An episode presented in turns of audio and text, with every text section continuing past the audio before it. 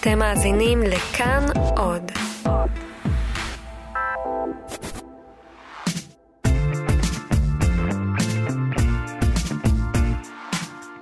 שלום לכם, אה, פרק נוסף של מה קורה כאן, ההסכת אה, של תאגיד השידור הישראלי, שבו בכל פרק אנחנו מארחים אה, עיתונאי אחר, דמות אחרת, אחד מאנשי או נשות תאגיד השידור הישראלי כאן, ומדברים איתם קצת על העבודה שלהם, על מה שקורה במדינה, קצת נכנסים לעומק על הדברים שקורים על סדר היום ואולי נוגעים להם במיוחד באופן אישי, והיום אנחנו מארחים אה, אייקון של השידור הציבורי. אל תיקח את זה רחוק מדי. כן, נו, אין מה לעשות. אה, אורי לוי, אה, איש כאן. כאן 11, חטיבת החדשות, מגיש התוכנית מבט לאחור, ובעברך שלל קרדיטים מרשימים ביותר, מנהל חטיבת החדשות, מנהל שידורי הספורט, עורך מבט, איש בכלל של ספורט. כן. נכון? במהותך. כן, זה... שם התחלתי, כן. אה, בספורט התחלתי, ואחר כך משם התגלגלתי לשלל תפקידים, אה, כמו שאתה אמרת. כן. אבל יש לי פינה חמה ביותר בלב לשידורי הספורט. זה היה, אלה היו ימים יפים ומרגשים. מי שקיבל אותי לעבודה היה אלכס גזילדי בזמנו, דן שילון. היה מנהל החדשות, יעקב אחי מאיר עשה לי מבחן. אה, מבחן הקבלה. כן, מבחן כן. קבלה. באתי והוא עשה לי ושאל שאלות, ואני לא זוכר בדיוק מה, אבל היה מאוד מרגש. אתה מגיע בתור כתב צעיר ומתחיל, ויושב מולך יעקב אחי מאיר ודן שילון, תשמע רגליים רועדות. אני מתאר לעצמי. רגליים רועדות, חבל הזמן, בעיקר אז. אנחנו נ, נ, ניגע בכל הנושאים האלה, גם נתעמק ונשאל אותך גם בהמשך, למה אתה, מה עם הספורט? כאילו, איך, איך עזבת את זה? איך זנחת את העניין הזה, שבאמת, אני חושב שגם בזיכרון הלאומי הישראלי, הקולקטיבי, אתה הקול של הרבה מהאירועים המאוד מאוד דרמטיים שעברו עלינו בספורט. אני ועוד אחרים. אתה ועוד אחרים. בואו נהיה צנועים, בסדר? בסדר, אני ועוד אחרים. אז רק נציג את הצוות שאיתנו, אה, רום אטיק העורך, מנור בראון המפיק, הלל רוט הוא הטכנאי שלנו, אני ליאור אברבך. אה, בואו נתחיל בסוף, מה mm, שנקרא, אוקיי. במה שקורה עכשיו ממש, ובואו בוא נגיד שנסיר את זה מהשולחן. Uh, בעיתון הארץ מתפרסם uh, בסוף uh, השבוע האחרון תחקיר שעוסק בתאגיד השידור הישראלי, ובו מופיעות רשימות שבעצם קטלגו את עובדי רשות השידור לשעבר, וגם שמך מופיע שם. Mm-hmm, נכון. ואני אצטט, ברשותך, okay. אוקיי. את מה שכתבו עליך.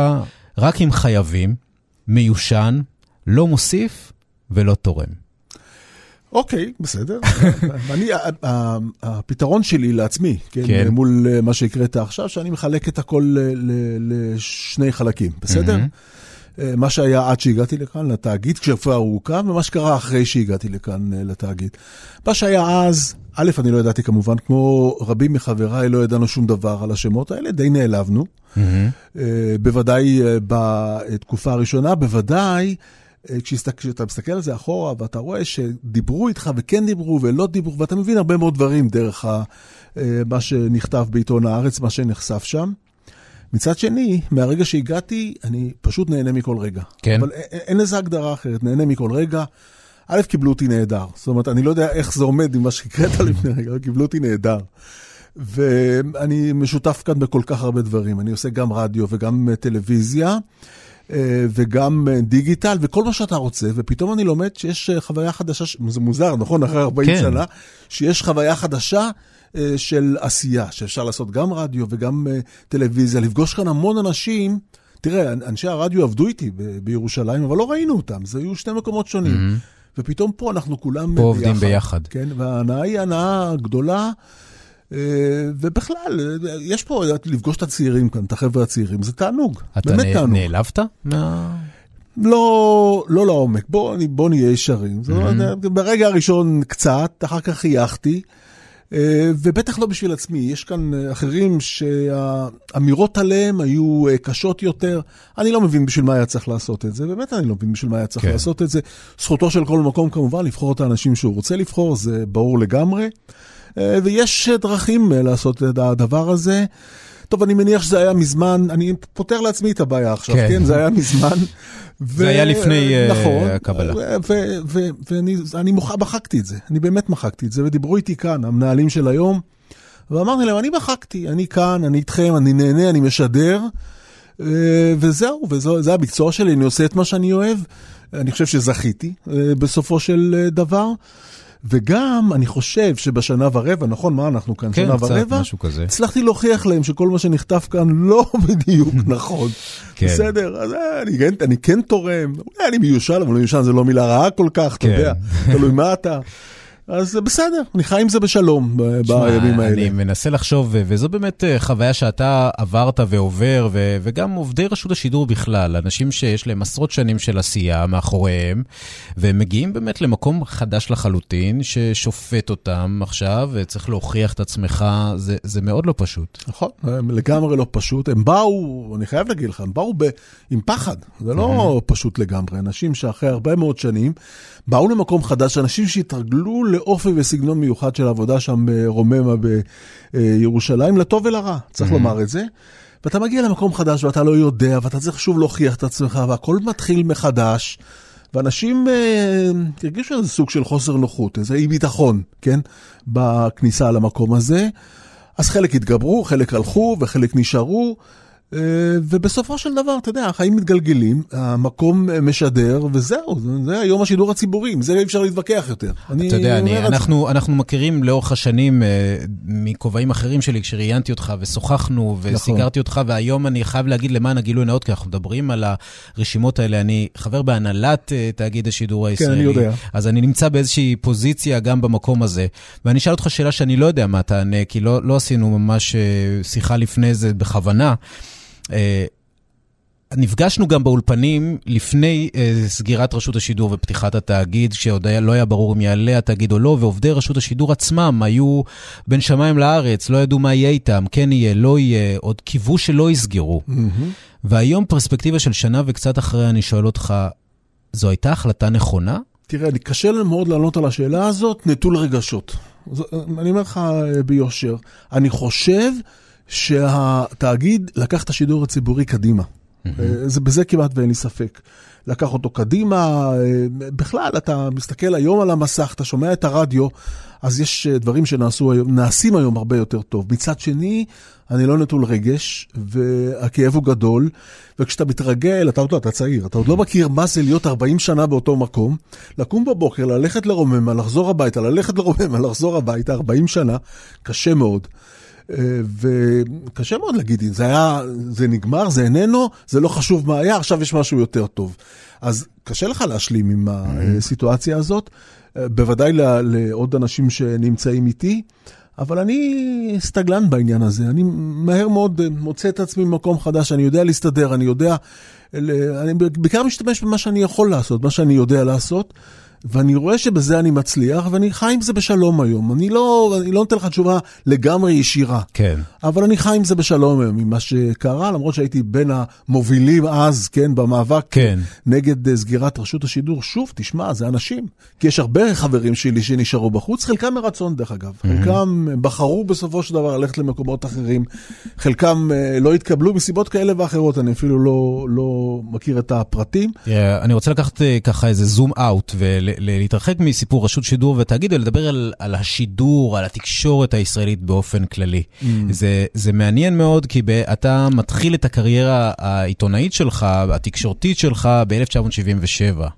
שזו שנה מאוד דרמטית ב- במדינה וגם בתקשורת הישראלית. נכון. אה, אה, ואתה מגיע למקום שהוא הכל יכול ברמת התקשורת, אין לו תחרות, אין עוד אה, מלבדו. כמו שאתה אומר, שני אייקונים מקבלים אותך לעבודה, אלכס גלעדי, דן שילון, גם מייצגים איזושהי ישראליות מאוד מאוד ספציפית. אה, איך נראית אז רשות השידור? תשמע, א', תיארת נכון, זאת אומרת, היא נראית מקום מפחיד, לכתב צעיר, בסדר? היא נראית מקום מפחיד, מפני ש... בניגוד למה שהיה בשנים האחרונות, המשמעת הייתה הרבה יותר אה, קפדנית, היה קשה מאוד להתקדם אז ברשות השידור. קשה מאוד, הייתי צריך לעבור מבחנים, אני עברתי קורס כתבים לפני שהתחלתי אה, לשדר, שהופסק כי היה צו 8, וגייסו אותי בסופו של דבר, כי היה חשש שתהיה מלחמה עם מצרים, לא משנה, דברים mm-hmm. מהסוג הזה. אז עברתי קורס אה, כתבים. היה קשה מאוד לעבור את כל השלבים, ממפיק מתחיל לתחקירן, לכתב ראשוני שלא מקריא כתבות כי הוא עדיין לא יודע, וזה לקח המון המון זמן עד שבנו אותך, את האישיות שלך בתור כתב. זה הולך היום הרבה יותר מהר, אולי בגלל ריבוי אמצעי התקשורת, אולי בגלל הדרישה העצומה כן, שיש לאנשים. אולי מיעוט התקנים, אתה יודע, כן, אין כן, זמן כן, לחכות שבן נכון, אדם... נכון, נכון, וזה גם היה אז... אה, סוג של כבוד גדול להיות חלק מהשידור. שידור בכלל, טלוויזיה או רדיו. ואיפה שלא הלכת, וואו, אתה עובד בטלוויזיה הישראלית, זה הייתה סוג של uh, התרגשות uh, אדירה גם uh, למשפחה שלי. זאת אומרת, אני, אורי לוי מיפו, פתאום מגיע שם... כן, uh, ובין... אגב, ו... כן, ו... פגש אותי אלכס גלעדי, mm-hmm. זמן קצר אחרי שהגעתי לעבוד, והוא קרא לי כזה, הוציא אותי החוצה. לרחוב שאתה ברומם הסמטה, ככה חיבק אותי ואמר לי, תשמע, זה לא נורא שאתה מיפו. אמרתי לו, למה? רק אמר, לא, כי הגיעו כל מיני ניירות, באיזושהי, מאיזושהי סיבה יש כנראה איזה אורי לוי שהיה עבריין, וישר חיברו אותו אליי, כי. אני אוקיי. מיפו, אורי לוי, אמרתי לו, לא, אני למדתי בתיכון עירוני ז', יש לי בגרות, אני לומד באוניברסיטה. גם להם היו רשימות, אתה אומר. יפה, נכון. גם להם היו רשימות. כן. אבל תגיד, אורי, אז באמת זו, שאלה שהיום דנים בה המון, על הזהות, על הזהות של העיתונאים, על המקום שממנו הם באים. אתה, אורי לוי, בנם של מהגרים בולגרים, נכון, מיפו, אה, תמיד התייחסו אליך באופן הגון ומקצועי בעבודתך בתקופה ההיא? תראה, בולגרים זה דבר מבולבל, זה לא ברור, זה אשכנזים, זה ספרדים, לא, אבל אנחנו, אני בבית ספרדי לגמרי, זאת אומרת, זה די... אה, אה, זה די ברור העניין הזה. צריך להגיד, זה, זה, זה ירושלמי מאוד, אשכנזי מאוד, כן, כמובן, כן, גברי אני, מאוד. אני מסתכל אחורה... שמאלני. מאוד. כן, מסתכל אחורה גם, ב, עוד אפילו בתקופה של הבית ספר. Uh, הספרדי היה בעיה, uh, הספרדי היה בעיה, אני למדתי בתיכון עירוני ז' עם מנהל בשם יוסף, יוסף ליפשיץ, שלא אהב לראות לא אשכנזים בבית ספר, אני לא מגזים. Mm-hmm. הייתי חיים רמון בבית ספר, ויונה אליאן, חיים אגב וישניה, מי שחושב שהוא ספרדי טועה, ויונה אליאן היא אה, גליצקי, גם היא אה, אשכנזיה במקור שלה. אז זה כבר התחיל שם, אה, בטלוויזיה, אני לא יודע להגיד, אני, אני לא, אף פעם לא בחנתי את זה ככה. יש את המפגש הזה עם אלכס, האם נבלמה התקדמותי בגלל המוצא שלי?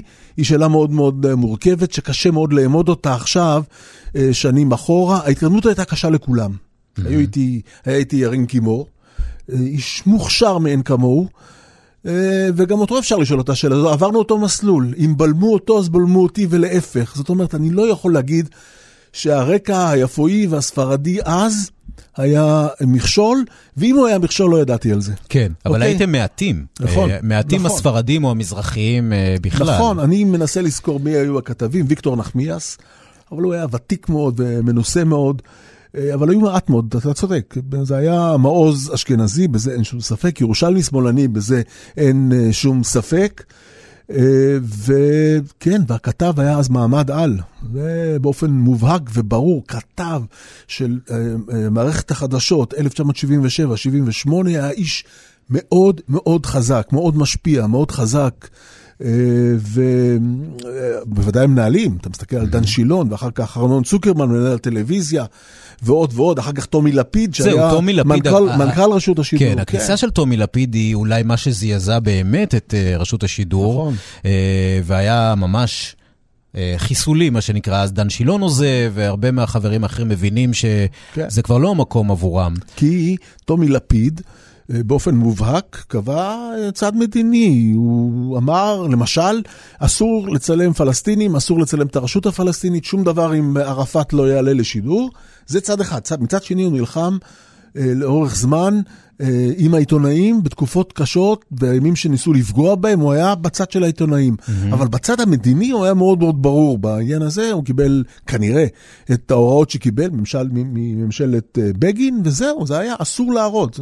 ולכן חלק גדול מהעיתונאים הבכירים אכן עזבו בתקופה הזאת. היו אז שביתות כן. על רקע כזה, mm-hmm. שזה די מדהים, לא יוניון, לא שכר, אלא על הרקע הזה, על הרקע שלא נותנים לעיתונאים להגיד את מה שהם רוצים להגיד. כן. זה, זה, זה, זה השתנה אחר כך, זה לא כן. היה יותר, אבל בתקופה הזו זה מה שהיה. לימים, אני זוכר, אני חושב שזה 2008, אתה עומד בראש מערכת החדשות, ואתה חלק ממי שממנים בעצם את ינון מגל ומרב מילר אה, להגיש את המהדורה המרכזית. נכון. עכשיו, ינון, זה, זו באמת היה צעד אה, עם אמירה, למרות שינון מגל עוד לא היה כל כך צבוע פוליטית נכון. כמו שהוא אולי נכון. צבוע היום באופן מובהק. אבל אנשי הציונות הדתית, בעיקר, אה, אורי אורבך אה, הוביל את האמירה הזאת, אומרים, חברים, אנחנו במשך שנים, אה, לא, גזלו מאיתנו את המקום, לא נתנו לנו את המקום בכלל בשידור. כמובן שזה שידור הציבורי, כי היה רוב הזמן רק שידור ציבורי. Mm-hmm. ואתה יכול להבין אותם שהם אומרים, רגע, לא היה לנו מקום, אנחנו רוצים לעשות את התיקון הזה, את התביעה שלהם לתיקון? אני אגיד לך שני דברים. א', אני יכול להבין אותם, בוודאי. אה, ואני גם די מסכים עם זה, זאת אומרת, יש, הטלוויזיה בשנים הראשונות שלה הייתה צבועה בצבע אחד, וברור, אני עושה עכשיו את המבט לאחור, mm-hmm. ואני מסתכל על כתבות אחורה, כן? אתה כמעט אה, לא מוצא כתבה עם גוון ימני, אתה רואה כתבות של אורי גולדשטיין וחיים גיל ומוטי קירשנבאום, שהן כתבות נפלאות, כתבות mm-hmm. אדירות, אבל האמירה ברורה, זאת אומרת, אין, פעם, אין שם ספק, אין שם uh, שאלה. תראה, אה, אם מישהו חשב שבזה שהוא לא שם, אה, מגיש מבט, מגיש מבט, אה, ב, ב, ומנסה לזכות איזשהו רווח פוליטי מהעניין הזה, הוא טעה, כי זה לא התפקיד לזכות בו ברווח, ברווח פוליטי. דווקא. מגיש מבט הוא כזה, אז, בימים ההם, כן. שקורא את הטקסטים שבסופו של דבר אנחנו כתבנו לו. ולא, אני לא רואה את ההשפעה האדירה. חוץ מהאמירה, בסדר, אני מסכים איתך, זו אמירה, mm-hmm. הנה ינון מגל יגיש את מבט. אגב, בהחלטה למנות את ינון, מעורבים גם שקלר, שהיה אז מנכ"ל רשות כן. השידור, גביש, שהיה יושב ראש והיה איש שמאל בכלל, אה, והיו שמות אחרים, mm-hmm. שאז אה, רצינו ולא יכולנו.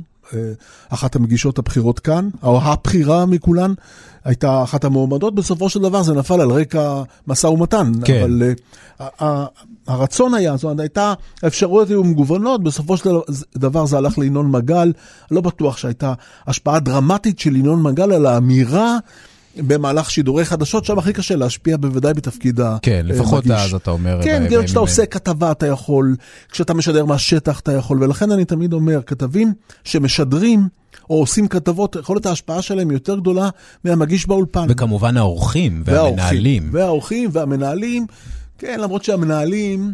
תמיד, תמיד דיברו על ההשפעה הפוליטית ברשות השידור ודברים מהסוג הזה, ואני תמיד הסתכלתי אחורה וניסיתי לחפש איפה בדיוק הייתה ההשפעה הפוליטית, ולא תמיד uh, יכולתי להגיד, הנה, יש השפעה פוליטית. אני זוכר שמוניתי לתפקיד מנהל החדשות, והגעתי הביתה ואמרתי למי שהייתה אז, כן, אשתי, אמרתי לה, עכשיו...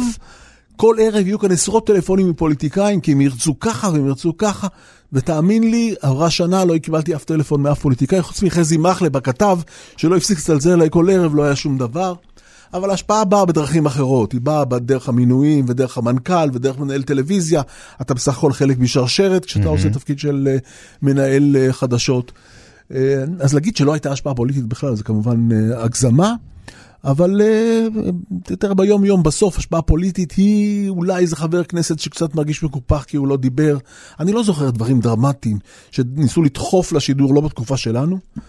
אה, וזהו, ובסופו של דבר, אתה יודע, בסופו של דבר זה עבודה. יש לך, אתה מנהל חדשות, יש עורך מבט, יש עורכי משנה, יש כתבים. לעבור את כל המסלול הזה עם השפעה פוליטית זה מאוד מורכב. כן. מאוד מאוד קשה. כן. תראה, לחצים פוליטיים תמיד יהיו ותמיד יש, כן. ולפעמים גם הטלפון המאוד פשוט הזה של החבר כנסת שמדבר איתך מאוד יפה ומאוד אלגנטי ומאוד מנומס. נכון. צריך להבין את הסאבטקסט שלו. נכון. אבל יש פה משהו שהוא גם uh, הפוך, אתה יודע, בחילופי האליטות הזה, במה שבאמת קורה, באיזשהו מקום האמירה הזאת היא שאובייקטיביות. Mm-hmm. ההנחה הזאת שחדשות צריכות להיות אובייקטיביות, זה כבר איזשהו זה משהו שלא מאמינים נכון, בו, זה נכון? פסה, כן, בוודאי, היום, היום משדרים אחרת.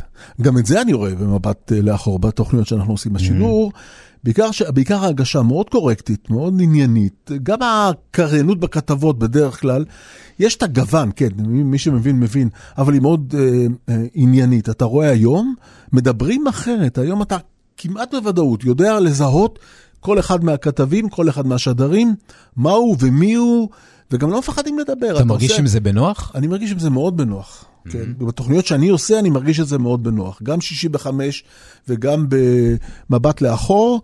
כן, נוח לי להגיד, אתה, אתה משתחרר כזה, אתה יודע, אתה פתאום משתחרר, אתה לא מדבר פוליטיקלי קורקט, אתה אומר מה שאתה מרגיש. וככל שאתה אומר יותר מה שאתה מרגיש, אתה רואה שזה יותר מוצלח, ואתה רואה שזה יותר מעורר עניין, ואתה רואה שאפשר לחיות עם זה בשלום, ואתה רואה שזה לא באמת מרגיז אנשים, בתנאי שאתה יודע לתת גם את הצד השני, שאתה מבין שיש לך מיקרופון, זה לא הזכות להגיד מה שאתה רוצה, מתי שאתה רוצה, ולא לתת לאף אחד אחר להגיד. אם אתה יודע להביא את הצד השני בסופו של דבר, אז אתה כן יכול לשחרר את עצמך, בעיקר בתוכניות אירוח. זה פחות בחלון ראווה, כמו תוכנית, כן. תוכנית החדשות מרכזית, מהדורה מרכזית, אבל תוכניות אירוח היום, כמעט כל כתב מדבר את עצמו. אומר, מדבר, ברעיונות, בשיחה, בשיח עם הפרשנים. אתה בוודאות מזהה היום אה, נימות או תחושות או הרגשות של אה, מי שמשדר. כן, ואתה אה, אוהב בכלל את, ה, את, את רמת השיח של התקשורת היום? שאלה מעניינת, השאלה היא כמובן איפה ומתי. וגם, מה זאת אומרת אוהב? מי אני שאני אגיד משהו על רמת שיח בתוכניות בערוצים אחרים, או כאן בערוץ אה, שלנו? האם רמת השיח שלי מספיק טובה? לא בטוח. אני לא יודע, אני משתדל, ויש מקרים שאני מסתכל אחר כך על התוכנית ואני אומר, יואו, זה לא מספיק טוב. אתה לא חד מספיק, אתה לא מעניין מספיק. אתה לא עמוק מספיק, אתה רואה את זה, אתה מקשיב לעצמך ואתה רואה את זה. אז עכשיו לבוא ולהגיד על, על אחרים, יש, ברור לגמרי, יש מקרה הלחץ שאתה עף לשידור ורץ לשידור, מראש היכולת שלך להגיע לשידור עמוק היא כמעט בלתי אפשרית. אתה, הכל מהיר, הכל זריז, הכל לשדר כדי לשדר בסופו של דבר, בעיקר באירועי חירום mm-hmm. ודברים מהסוג הזה, והעומק אה, נדחק הצידה בסיטואציה הזאת. רמת השיח תלויה במשוחח, תלויה במסגרת, תלויה במקום, תלויה ביום. מלא פקטורים אה, משפיעים על אה, רמת השיח, זה פעם נפלא, פעם בינוני, פעם פחות טוב ופעם רע מאוד. אלה החיים בשידור. אתה יודע, אה, אחת הזירות שאולי הכי השתנו ברמת השיח זה זירת אה, שידורי הספורט. כן. שאתה מכיר היטב. אה, אם היום אולי אפשר להגיד שמי ששולטת בזירה הזו זו אופירה אסייג, שאנחנו שומעים כל מיני התבטאויות שלה ופרסומים כאלה ואחרים, וכמובן יש לה גם תוכנית יחד עם אייל ברקוביץ' בערוץ 12. כן. זה, מה, מה קורה שם? זה נוח לך עם זה? אתה, אתה אומר אופירה אסייג, אתה יודע מי הביא את הסגנון הזה? מאיר איינשטיין עליו השלום. מאיר איינשטיין, שנכנס אלינו למערכת, והיינו חברים מאוד קרובים, כמעט כמו אחים, מאיר איינשטיין ואני. והיה אומר לי, אורי, איזה מדורה מדליקים היום? זה. זה היה הסגנון של מאיר. למי נותנים בראש היום? ואת הסגנון הזה, לדעתי, מאיר פתח אותו, מאיר אה, יזם אותו, מאיר ייסד אותו, והרבה אחרים אה, הולכים אחריו. אנחנו רואים היום את ערוץ הספורט ואת אה, יציא העיתונות והדברים מהסוג הזה. תשמע, אי אפשר לשדר יותר ספורט אחרת. יש כמה דברים שצריך לקחת. בחשבון בעניין הזה.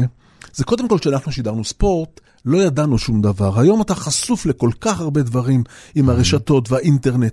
תחשוב היום לעלות לשידור, פתאום לוקחים, אני רוצה לראות שדר ספורט היום מהצעירים, שלוקחים לו את האינטרנט, לוקחים לו את הכל, עכשיו תסתדר, אוקיי? בוא נראה מאיפה אתה מקבל אינפורמציה, כן. איך אתה מקבל אינפורמציה.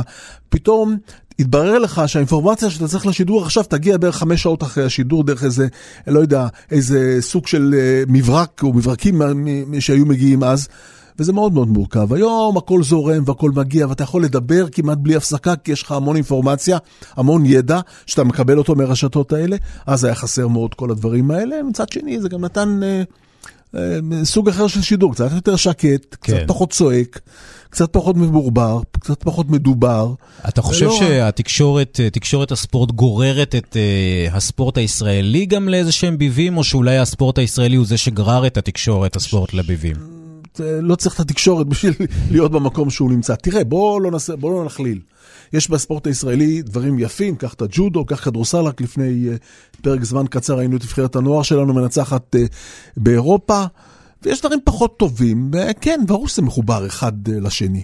אני חושב שהתקשורת, תקשורת הספורט היא תקשורת מאוד חכמה בעידן הזה, מאוד מאוד חכמה, מאוד ביקורתית, מאוד חכמה. אה, ודווקא הייתה צריכה לדחוף את הספורט יותר למעלה. ובסופו של דבר, איכשהו, אה, זה כנראה תלוי באיזה ספורט ומי האנשים שמתעסקים בו ומי האנשים שמובילים אותו. בסופו של דבר, התקשורת כאן, בעידן הזה, היא, היא, היא מוצלחת יותר מהספורט ב, ב, ב, בתקופה הזאת, לצערי, בענפים מסוימים. שוב, יש ענפים שאנחנו נפלאים בהם, אבל בענפים מסוימים היה רצוי שכולנו נעלה ביחד, כן, כן שנתרומם שנרים, מהמקום שאנחנו נמצאים. שנרים, כאלה כן, אומרים. בדיוק. אה, בוא נשמע קטע מאולימפיאדת אה, ברצלונה, 92, הנה זה. אנחנו כאן מורידים את הכובע בפני הבחורה שבתמונה, באמת מורידים את הכובע. אי אפשר לבקש יותר. מדליית כסף ליעל ארד, אמנם נוצחה במעמד הגמר ונוצחה בקרב שקול לחלוטין, זאת אומרת בהכרעת שופטים. הן שתי הזוכות במדליית הארד. כן. כן, יעל ארד, ברצלונה 92. יעל ארד, ברצלונה 92. אתם ביחד, אתה אה, ויעל ארד והציבור הישראלי כולו בעצם, נחשפים פתאום לעובדה שוואלה, יש כזה אה, ענף ספורט שקוראים לו ג'ודו. כן, זה הרבה יותר חמור ממה שאתה מתאר. כן. תראה, אנחנו, אני אמרתי את זה גם ליעל, אז אני יכול להגיד את זה כאן. אנחנו באנו לברצלונה, כשהידע שלנו על ג'ודו, לא, לא יעל, אנחנו, השדרים, mm-hmm. הידע שלנו על ג'ודו היה קרוב לאפס, באמת. א', שידרנו ממסך ולא מהעמדת שידור באולם שבו התקיימו הקרבות, זה היה מקובל, זה גם היום מקובל, אי אפשר לשדר מכל המקומות כל הזמן באולימפיאדה, זה המון uh, מקצועות, אז יש במרכז השידורים uh, מסך ואתה משדר ממנו. לא העלינו בדעתנו שאל ארד יכולה לזכות במדליה. הידע שלנו, החומרים שאספנו היו דלים ביותר, וזה הוביל אותי לאחת הטעויות הכי גדולות שאני עשיתי אי פעם. אני אה, לא מזמן שמעתי את זה, זה עכשיו פחות או יותר יורצייט כן. כזה, ל-92. אמרנו, בקרב חצי הגמר, אמרנו שאל ירד הפסידה. והיא ניצחה, שזה טעות כי לא הבנת את מהלך הקרב. נכון, לא הבנתי, כי mm-hmm. בג'ודו יש תופעה שזאת שנופלת, היא אה, מייצרת תנופה מהנפילה שלה ומנצחת בעזרת זה. Mm-hmm. אנחנו ראינו את הנפילה, לא כך הבנו. תשמע, זו הייתה טעות, אין טעות יותר גדולה מזה, כן? כן. לא הפסידה, ניצחה, זאת אומרת, לא 100, 200, זה מין דברים מדהימים. כן. אבל uh, למדנו מאז בסופו של דבר. היום אין אה, ילד, נראה לי, בישראל שלא יודע מה זה איפון, ולא יודע מה נכון, זה יוקו, נכון, נכון, לא, דווקא את האלף-בית הזה ידענו, אבל לעומק לא ידענו, לא ידענו, באמת לא ידענו. יכול להיות שגם יעל ארד בשלב מסוים בקרב עצמו קצת הרגישה לא בטוחה למה מה הולך השופט אה, לומר שם, ראיתי את זה ממש לפני כמה ימים. אבל אין, אה, אין ספק, עשינו שם טעות שנובעת בדיוק כמו שדיברנו לפני רגע, כן. היעדר אינפורמציה. לא ידענו, פשוט לא ידענו. היום אתה רואה ג'ודו בלי סוף, אז ראית פעם בארבע שנים מדי פעם קצת ג'ודו, לא יותר מזה. כן. עכשיו לך תבנה מזה אה, אימפריה, אתה אפשר יודע. לזהות את הג'ודו הבא? ש... אצלנו? ב... כן, בספורט הישראלי. אה, אתה אומר הענף הבא? איזשהו ענף אה, ששם אנחנו עוד תמיד, יכולים... תמיד עוד, אה, תמיד השייט הוא פוטנציאל אצלנו. Mm-hmm. איפה עוד יכול... אה, כן, התעמלות אמנותית. התעמלות אמנותית, אנחנו נראים מצוין לקראת טוקיו. אין שום ספק, יש לנו כן. סיכוי למדליות, כן? זה הולך ומתפתח. טוב, זה תלוי, זה קשור כמובן לעלייה מרוסיה, ודברים מהסוג הזה, זה הולך ומתפתח. אני חושב שגם הזכייה שלנו נראית אה, לא רע באופן אה, יחסי. הג'ודו עדיין מוביל, אבל כן, יש מקומות שאנחנו יכולים להביא מדליות, זה התעמלות אמנותית, זה יכול להיות חתירה. ועוד אה, מקצועות לבודדים שבהם אנחנו יכולים, קבוצתי הרבה הרבה יותר קשה. כן? הרבה, הרבה יותר מורכב. כן, מורכב. כדורגל. כדורסל, כן, זה... שם באים כל הגדולים, בעיקר עכשיו, אני שידרתי את המשחק הראשון של הדרימטים. זה היה מייקל ג'ורדן וכל הגדולים ששיחקו שם בפעם הראשונה. זאת אומרת, היום נבחרת ארה"ב זה השחקנים הכי גדולים בעולם, ויחד איתה קרואטיה וליטא וכל הקבוצות האדירות האלה, קשה נורא להיכנס לסביבה הזאת, קשה מאוד מאוד. אתה יכול במקצועות של הבודדים, שם זה יותר פשוט ולשם צריך ללכת, לשם צריך לכוון, לשם להשקיע כסף. אם אנחנו רוצים מדליות. כן, אתה כן. ישבת עכשיו, ראית את המונדיאל, את הגביע העולמי ממוסקבה, מרוסיה באופן כללי. דגדג לך להיות שם? רצית להיות? א', מאוד נהניתי, mm-hmm. כן? Uh, וזו פעם ראשונה שאני באמת רואה מונדיאל בלי לעבוד בו. זאת. עבדתי כאן, כן, כן. עשיתי קצת רדיו, ו... אבל בלי להיות מעורב באופן ישיר. אז, אז, אז יש בזה סוג של כיף לשבת בבית, לרדת למטה לפאב עם החבר'ה, לראות קצת אה, כדורגל. להגיד שלא דגדג לי זה משקר, בוודאי שכן. אתה רוצה להיות שם, אתה רוצה לשדר, אתה רוצה להרגיש את זה. אתה מיד, מיד כמובן אומר לעצמך, אין לו מושג בלשדר לזה, כן. זה כמובן לא נכון. ודברים מהסוג הזה, כן, אתה רוצה, אבל בסדר, אלה החיים, אתה יודע, זה פעם אתה פה, פעם אתה כאן, זה תלוי בזכויות שידור, זה תלוי בהמון דברים. כן. אה, בסדר, אני חי... עם המונדיאל הזה חייתי בשלום וגם נהניתי מכל רגע, כי הוא היה מאוד מוצלח. כן. מוצלח גם בשידורים שלו, כאן אצלנו, ממש מוצלח. כן, הוא היה, הוא היה בהחלט מוצלח. אני, אני כל הזמן מנסה לחשוב, במיוחד, אתה יודע, אחרי המונדיאל הקודם, מה שיורם ארבל חטף אה, על השידורים, והלחץ הזה, כן. הלחץ הזה של שדר הספורט, שדר הכדורגל בעיקר, כי נכון. כולם מבינים הרי בכדורגל, נכון. כולם גאונים, mm-hmm. אז גם השדר וגם הפרשן, זה לחץ עצום. ספר לי על הפוזיציה הזאת. זה לחץ עצום, יורם עצמו מדבר על זה, על המונדיאל הזה ועל מה שהיה לפניו. תשמע, אני אומר לך עכשיו, ירדו לו לחיים באופן מוגזם, כולנו טועים. והוא שדר נפלא, יורם ארבל, עם קול בלתי רגיל, הוא שר את השידור. יורם שר את השידור. גם ידע, אבל הוא פחות צריך את הידע, מפני שהיכולת שלו לשדר היא כל כך גבוהה, שאתה נהנה מכל רגע, אם הייתי, כל מי שהיה ישר עם עצמו, אוהב, כל מי שהיה ישר עם עצמו אז אהב לשמוע את יורם ארבל. כן. אז עכשיו אתה מין קבוצה כזאת, נולד איזה באז כזה, אנטי יורם ארבל. כולנו ספגנו כאלה לאורך הקריירה. כן, היה לך, אתה זוכר משחקים כאלה שאחריהם חטפת? תשמע, אני שידרתי בהקרב בתל אביב בכדורסל, וחטפתי, ושידרתי את הג'ודו הזה וחטפתי, שידרתי טקסי פתיחה באולימפיאדה וחטפתי.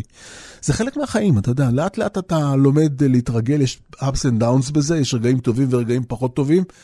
בדרך כלל שדר הספורט הוא סוג של אה, לוח מטרה כזה, כן? הנה, הדארטס, איך זה נקרא? כן. זורקים את החיצים. קליעה למטרה. זה כן. האיש שיחטוף. אני ראיתי גם עכשיו, שדרים אה, חטפו, לפעמים בצדק, לפעמים לא בצדק. שמע, זה מבצע מורכב לשדר משחק שלם בלי אף שגיאה. זה mm-hmm. כמעט בלתי אפשרי. נדמה לי שנחזור למאיר איינשטיין, הוא אחד היחידים שידע לעשות את זה. הוא יכול היה לשדר כמעט בלי סוף, בלי אף טעות, בעיקר אתלטיקה, שזה... אתה יודע כמה אנשים יש בו זמנית על המגרש, באצטדיון, באתלטיקה, בלי סוף. כן. ואתה צריך לדעת את השמות של כולם, את המקצועות של כולם, ואת ההיסטוריה של כולם. כמה זמן לומדים לפני uh, שידור כזה? תלוי מה, משחק כדורסל אתה לא צריך הרבה. יש לך את השחקנים משתי הקבוצות, שאתה כבר מכיר אותם כמובן, כן. ההיסטוריה שלך, ואתה חי את המשחק. אתלטיקה, שחייה, מקצועות מהסוג הזה, זה המון המון עבודה. כן. זה השקעה של דפים שלמים שאתה צריך לעבור שם-שם ולרשום, ולדעת את סדר המשחקים, ומי ירוץ במקצה הזה, ובמקצה הזה, ובמקצה הזה. היתרון המסוים שיש לך, שלפעמים אתה עושה טעויות שאף אחד לא יודע. זה חוץ ממך, אף אחד לא כן. יודע. במיוחד, אתה יודע, כן. בכל מיני קבוצות אה, בכדורגל במונדיאל, שהכרנו אותם ברגע זה לראשונה, כן. נבחרת יפן או... כן, היו, תראה, היום זה יותר מסובך, בכדורגל זה הכי מסובך, כי מכירים. פעם, כשהיינו משדרים נבחרת דנמרק, וכל אחד היה נילסן, אז אף אחד לא, לא בדיוק עשה. אבל היו כמה, היו כמה דברים, אני מוכן לספר לך. אה, תחרות סוסים. אגב, אותה אולימפיאדה, 92. בא יואש אלרועי, שהיה אז מנהל אה, מחלקת הספורט, אתה יודע, ואמר לי, חייבים לשדר גם את הסוסים. אמרתי לו, יואש, אני מיפו, אין סוסים לא יודע מה זה. אמר, תראה, תסתדר עם זה. שוב, אין לך יכולת לקבל אינפורמציה, אז אמר לי, תרד למטה לעמדת שידור, ואני יורד לעמדת שידור, מול, יושב מול המסך, והנה הסוסים שעומדים באמצע, אני רואה שהם עומדים, הסוסים עומדים בתוך הזירה הזאת, ויואש צועק לי, תתחיל כבר לשדר. אני אומר לו, יואש, בתקשורת בינינו, יואש, זה עוד לא מתחיל, אין מה לשדר, זה לא מתחיל. והוא אומר לי, תשדר, ואני אומר לו, זה לא מתחיל, הם עומדים באמצע, לא מתחיל, זה לא זזו הסוסים. ואז ראיתי שמחלקים מדליות, והבנתי שבאמצע הזה זו הייתה התחרות. זאת אומרת, הם היו צריכים לעמוד באמצע, להרים את הרגל, להוריד את הרגל, וזה סוג של דרסאז'. זאת אומרת, המופע הכי אצילי של הסוס הוא זה שמזכה אותו במדליה. וזה חלק מאותו ענף ספורט. זה תחרות אולימפית. תחרות אולימפית. אולימפית לכל דבר, זה לא הקפיצות. כלומר, אסור לזוז ו... הסוס עומד באמצע, הוא צריך להיות מאוד מאוד uh, מסודר, יפה, אני לא יודע אפילו מה המונחים הנכונים. כן. ואתה לא, כשאתה רואה את זה, אתה משוכנע שזה החימום. וזה לא היה חימום, זו הייתה תחרות. כן. זה דברים שאתה יודע, היום, היום, היו הורגים אותך על טעות כזאת. כי כולם יודעים, כי משדרים פה ומשדרים שם ורואים תחרויות, היו הורגים אותך. שידרתי סקי, mm-hmm. גם היה רעיון פתאום, אתם מוכרחים לשדר סקי כי יש עלייה מרוסיה. שוב, מה אנחנו, מה לנו ולסקי, מה אני יודע, מה מתרחש בתחרויות האלה? ואז היה איזה אה, אה, תח... החלקה במורד, יש איזה בחור בשם רלנטי שמנצח. ואני עם רלנטי, רלנטי. ואני רואה שהרלנטי הזה צובר תאוצה, הוא מנצח כמעט בכל דבר. כן. ואני מרגיש שמשהו לא בסדר, יוצא, אחר כך ראיתי שהוא מנצח גם בתחרויות של קפיצות סקי, אז הבנתי באופן מובהק שמשהו לא בסדר, הסתבר שרלנטי בצרפתית זה הילוך חוזר. היה כתוב שם, היה כתוב שם רלנטי למעלה. ואנחנו הפכנו את זה לשם. שוב, תחשוב. הייתם משוכנעים שהאיש הזה שדוהר במורד, זה רלנטי קוראים לו. רלנטי הגיבור מערכת הספורט בירושלים. עד שהסתבר שזה הילוך אה, חוזר בצרפתית. אין אינפורמציה, אין שום דבר, לא מופיעים שמות, אתה לא יודע כלום, אין לך מאיפה לאסוף את האינפורמציה, כן. אבל אתה משדר. עכשיו שוב, טעויות כאלה, היום, כן. אתה, אתה גמור, זאת אומרת, זה ברור לגמרי. שוחטים אותך. אבל 1985, 6, 7. מי הבין פה בסקי? מי, מי הבין, מי ידע? אנשים לא ידעו, לא הבינו, לא ידעו, לא בדיוק, זה עולם אחר, אתה יודע, עולם אחר. כן. היום, חבל הזמן. אני, לפני שניפרד, אני רוצה שניגע בתוכנית מבט לאחור, שהיא okay. אוקיי. תוכנית נהדרת, ובה אתם אה, גם מארחים את גיבורי השעות של השנים שעברו, וגם uh, מראים באמת קטעי ארכיון באורך די ארוך, כלומר לא כקליפים. בכוונה.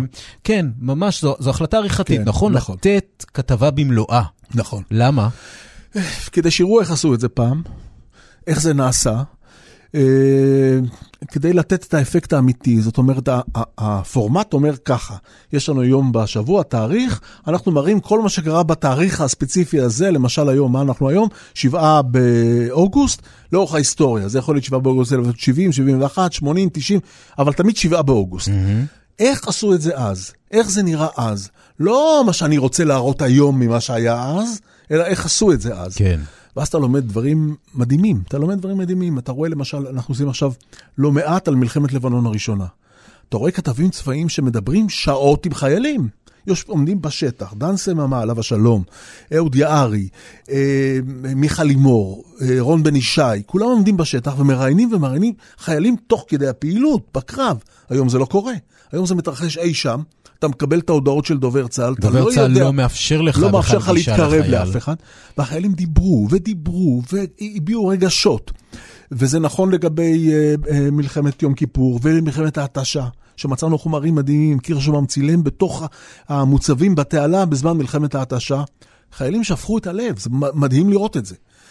אה, וזו תפיסה אחרת של עשיית טלוויזיה, היום זה לא קורה, כל הדברים כן. האלה. היה איתנו כאן רון בן ישי באולפן, הוא בעצמו נדהם לראות את הכתבות שהוא עשה אז. אז תראה, אז מצד אחד, אה, היום אנחנו, יש לנו כל כך הרבה כלי תקשורת, ואנחנו כל כך הרבה חשופים למידע, ויש טוויטר ופייסבוק ואין ספור. אה, ומצד שני גם המון fake news והמון נכון. אה, סילופים ואי דיוקים. מהצד השני, אין גם, היום יש הרבה יותר סוללות של מתווכים ושומרי סף ואנשים שעוז, שעוצרים ומונעים ממידע לדלוף או להגיע אליו, כמו עם אותם חיילים. נכון. מתי אנחנו היינו קרובים יותר לאמת? האם אז או היום? אין לי ספק שאז. באמת שאין לי, לא נעים להגיד, אבל אין לי ספק שאז אנחנו משדרים היום את מה שאומרים לנו לשדר. צר לי, כן? אנחנו משדרים את מה שאומרים לנו לשדר. כשאתה רואה את רון בן ישי יושב בין חיילים במהלך הפגזה, ומספר שזה לא ברור שצריך להיות כאן, ודברים מהסוג הזה. במלחמת לבנון הראשונה זה משהו אחר לגמרי. אין לי שום ספק שאתה מרגיש את זה, אני הייתי גם שם. הייתי לא מעט בביירות, בלבנון.